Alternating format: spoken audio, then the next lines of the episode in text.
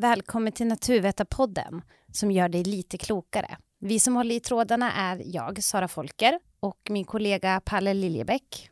Det stämmer det. Och idag ska vi träffa Mikael Karlsson. Precis. Han är forskare på Uppsala universitet och ägnar sig åt klimatledarskap. Vad det nu kan innebära, men det låter ju spännande tycker jag. Verkligen. Jag ser verkligen fram emot också få höra om det är så att eh, kan Palle fortfarande få köra sin etanolbil? Det undrar jag nyfiket också. Det finns någon slags eh, föreställning om att det kanske inte är så bra, men det får vi svar på i så fall idag. Ja. Ska vi släppa in eh, Mikael? Det gör vi.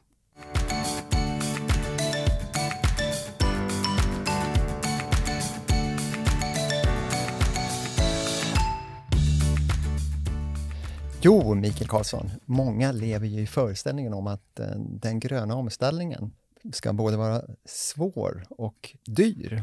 Hur ser du på det? Ja, det går absolut att ställa om och det är mycket mer lönsamt än att inte göra det. Du, du tänker då på effekterna utav att inte göra det? Med eh, fortsatta översvämningar, torka och eh, bränder som har sett i Europa här nu i sommar? Ja, eh, dels det, men sen också de eh, andra fördelar eller nyttor som följer av en omställning. Man brukar säga att ohejdad klimatförändring kan leda till att vi tappar 20 procent av vår bruttonationalprodukt, 20 procent av vår ekonomi eller i värsta fall ännu mer. Medan kostnader ligger i storleksordning på en krona eller kanske till och med minus en krona. Eftersom det bästa vi kan göra för klimatet är ju att spara energi och effektivisera energi. Och det är lönsamt för plånboken. Men vad skulle man liksom, alltså jag själv eller alltså vi eh, och även företagen eller politikerna, alltså vad ska man, kan man liksom göra för att minska klimatutsläpp till exempel? Ja, det handlar om, brukar jag säga, allt från lock på kastrullen till åtgärder i energiintensiv industri. Forskning visar att det finns eh, väldigt mycket vi kan göra i termer av besparingar. Sluta ha eh, elektronik och elektriska produkter på standby, sluta ha sladdarna i, eh, stänga av tvn ordentligt, eh, frosta av baksidan på kylskåp eller på frys, sänk temperaturen något, ha snålspolande munstycken, tilläggsisolera, åtgärder som tar längre tid kan ju vara till exempel bergvärme och annat. Sätt pris på användningen av energi. Ganska många hyresrätter idag betalar ju inte utifrån hur mycket varmvatten man konsumerar och går från fossila bränslen till eh, mycket effektivare elektrifierade fordon, även på sikt liksom, tunga transporter, eh, se över allt från belysning till fläktar till processer i industrin. Man kan hålla på hur länge som helst. Det finns hur många rapporter, studier och avhandlingar som helst. Man kanske kan halvera energianvändning i landet i stort. Det är rimligt alltså. För annars, annars har man ju protesterat lite grann mot de här 10-procentiga sänkningarna nu som eh, man kommer att genomföra i eh, vissa europeiska länder.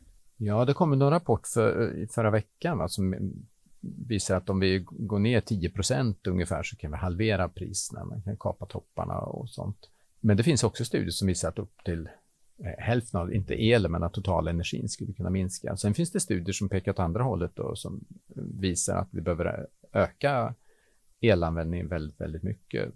Men även i det fallet, även om det nu finns en kraftigt ökad efterfrågan på, på el till fossilfritt stål och vad det nu kan handla om, så är det fortfarande väldigt bra då att effektivisera och inte använda i onödan. Och det fokus som finns i debatten på hela tiden på tillförsel är problematiskt eftersom vi kan göra väldigt mycket på efterfrågesidan och det vi gör på efterfrågesidan, det är direkt lönsamt också. Det är bra för plånboken och bokslutet och så vidare. Det, det är bra för all offentlig verksamhet att liksom inte, inte slösa. Alla kan släcka en lampa till ungefär så. Och, och det där gör en hel del och det, det är sånt vi kan göra omedelbart. Och det är just det klimatledarskap som du är lektor i. Vad innebär egentligen det? Klimatledarskap? Ja.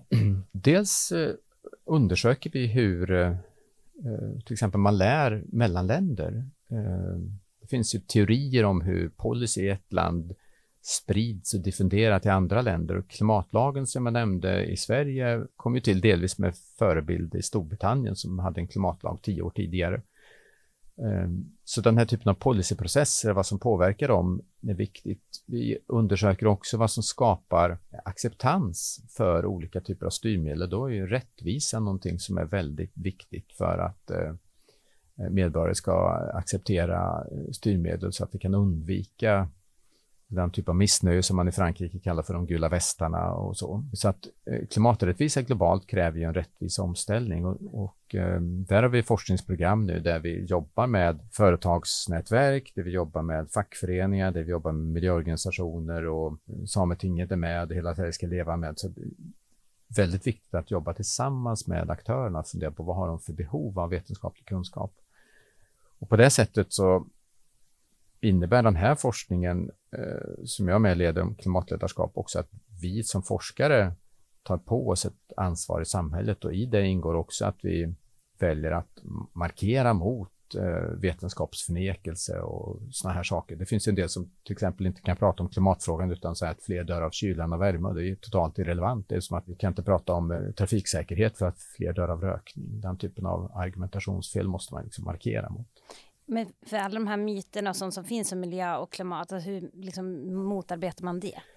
Ja, då kan det handla om att lyfta fram forskning eller göra studier eh, på egen hand som visar att Ja, men exempelvis då att eh, branscherna bedömer idag att man kan få en sysselsättningseffekt som är positiv och tillväxt och man gör omställning. Vilka styrmedel behövs? Det som heter Fossilfritt Sverige som ett regeringsinitiativ tog fram 22 färdplaner med över 350 förslag och väldigt intressant är att antalet förslag som till exempel handlade om ny kärnkraft var noll när näringslivet själva i 22 branscher fick lägga fram vad som krävdes för att ställa om. Och då kan man ju förstås lyfta in det i debatten och jämföra med, med den här politiska idén om att vi ska kunna minska utsläppen före 2030 genom att bygga kärnkraft 20 år senare. Det är liksom också någonting som, men sån här nationell låsning i en fråga som kanske mer handlar om att partier utmanar varandra och blockpolitik än att säkerställa eh, snabba leveranser av el som gör att vi klarar klimatomställningen. Det ger ju ingen nytta på kort sikt. För att klara vintern så är det andra saker som behövs än ett nya kärnkraftverk.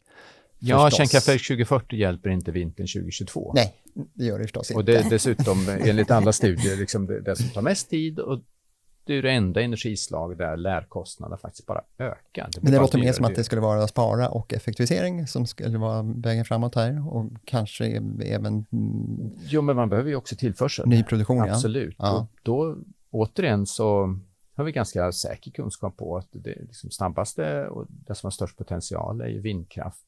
Men det är ett bra exempel på där det finns eh, lokala protester och, och, då kan man fundera på kan det vara så att man ökar acceptansen för vindkraft på land om till exempel en del av vinsten går tillbaka till eh, närboende eller kommunen i fråga? Och äntligen finns ju en statlig utredning i den frågan. Det är någonting som, som pekar på sedan lång tid tillbaka. Sen kommer nog väldigt mycket av vindkraften vara havsbaserad och ligga så långt ut så att ingen ser den. Och, och där finns det jättemycket ansökningar på regeringsbord som, som handlar om att man kommer upp i i nivåer som nästan är som vattenkraften, löser långt, långt över kärnkraften. Och de kommer vara, skulle kunna vara byggda innan man ens har liksom lagt bottenplattan på ett nytt kärnkraftverk. Och sen pratar vi om det här med planerbar eh, kraft. Ja, precis. Och då har vi vattenkraften som bas och vi kan nog eh, kanske göra lite mer än befintliga kärnkraftverken. Eh, och säkert öka något. Eh, sen finns eh, biokraften där det finns en ganska stor potential som använder rester från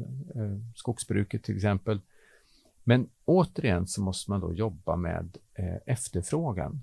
Vi kan inte dimensionera elsystemet för 07.30 den kallaste februaridagen. Vi måste lära oss att liksom, programmera diskmaskiner och tvättmaskiner och, och på något sätt sånt, liksom, ladda elbilar vid andra tidpunkter än då efterfrågan är som högst. Och då krävs det en prissättning. Det ska, det ska blinka ovanför diskmaskinen när priset är högt och så, så att vi liksom får de här signalerna.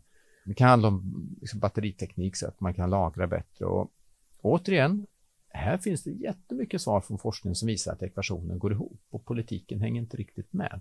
Det är möjligt alltså att eh, lagra energi mer än vad man eh, föreställer sig åtminstone, som framgår i debatten. Ja, men hela elektrifieringen av, av eh, bilparken innebär ju att vi, man kan välja när man laddar sin bil. Ja, jo. Om alla laddar samtidigt så blir det jobbigt. Men man kan ju skapa system för att eh, kunna hantera sånt. Så här, vi inte måste ha eh, dimensionering för worst case. Och i det ligger förstås också att vi har sedan mitten på 90-talet en omreglerad elmarknad så att vi har liksom, eh, kablar mellan länder och, och, och, delar på det här. Så det finns också de här idéerna om att klippa kablarna.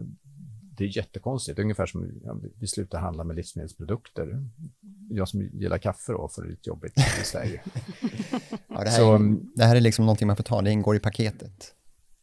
Ja, och totalt sett så är det ju mer effektivt att ha en större elmarknad än en väldigt liten. Om alla skulle vara självförsörjande, som det är väldigt extremt, då, skulle det bli ganska besvärligt samhälle. Vätgas då, kan det vara en eh, nyckel för att lagra? Ja, vätgas eh, är det många som har väldigt eh, liksom stark tilltro till att vätgasen kommer och så. Jag tror väl att kanske juryn är ute exakt i hur de här systemen ser ut på sikt. Det beror väldigt mycket på politiken utvecklas och vad politiken skapar bra respektive dåliga incitament för. Jag törs inte säga det här. Det fanns en diskussion tidigare om att etanolbilar skulle bli väldigt stort och det hade varit bra för etanolen i Sverige har en stor klimatnytta. Eh, men det har politiken eh, steg för steg eh, straffat bort kan man säga, inte minst EU-politiken. Och sen en ganska skruvad debatt om, om, om bioenergi, tyvärr. Det så att det är svårt att göra teknik. Så bioenergin är lite underskattad där, tycker du, i den framtida mixen?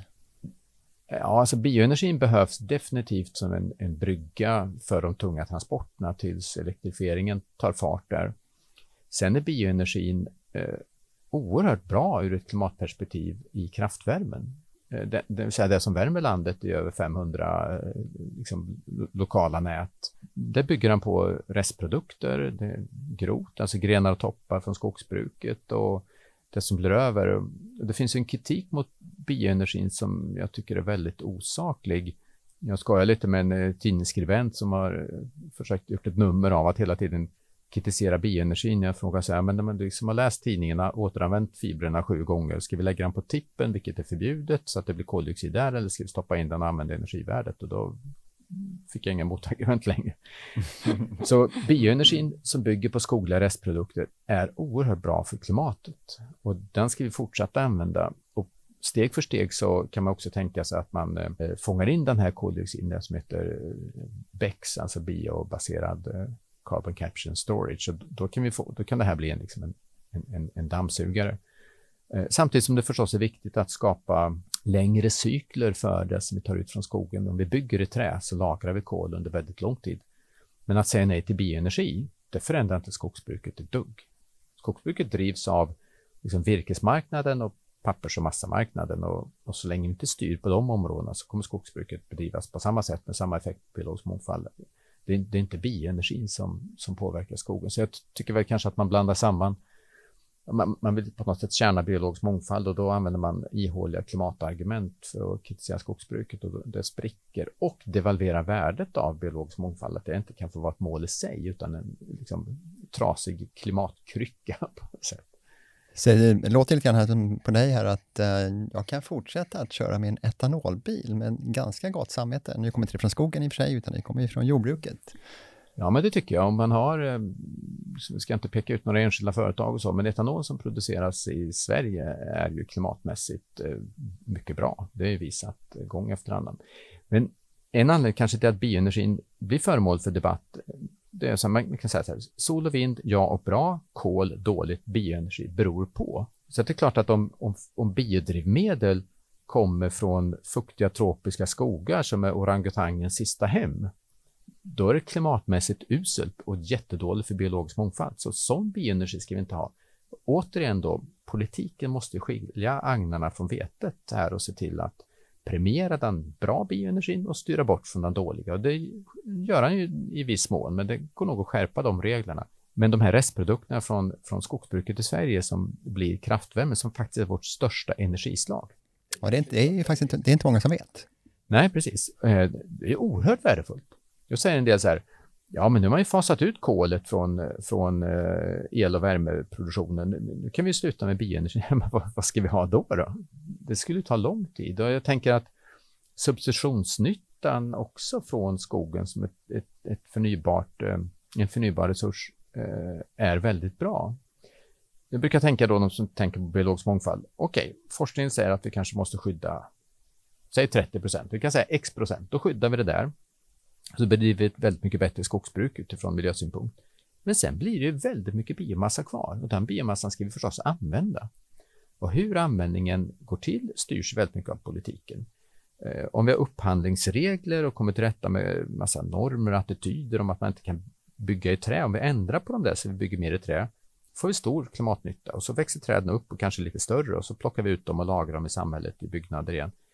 Då har vi en stor liksom, substitutionsnytta jämfört med andra byggmaterial. Så finns det papper och massa, men jag tänker att även i framtiden är det trevligt med böcker. Eh, det är trevligt att ha ett biobaserat material och ta hem yoghurt och ägg ifrån affären och så. Men det är möjligt att vi använder alldeles för mycket. Men det styr man ju heller inte genom att säga nej till bioenergi, utan det får man liksom ha styrmedel, pappersskatt eller vad det nu kan handla om. Och säger man det där, då trillar industrin av stolen, men det kanske de får tåla, ta en debatt om. Eh, men bioenergin är faktiskt i Sverige väldigt bra. Sen finns det bioenergi på många håll eh, i världen som, som, som inte är bra. Och det är väl ingen som vill choppa upp eh, Georgias sista naturskogar, Sareks nationalpark och elda upp det. Så ska vi inte ha det. Men det där är en, en uppgift där politiken faktiskt kan, kan styra.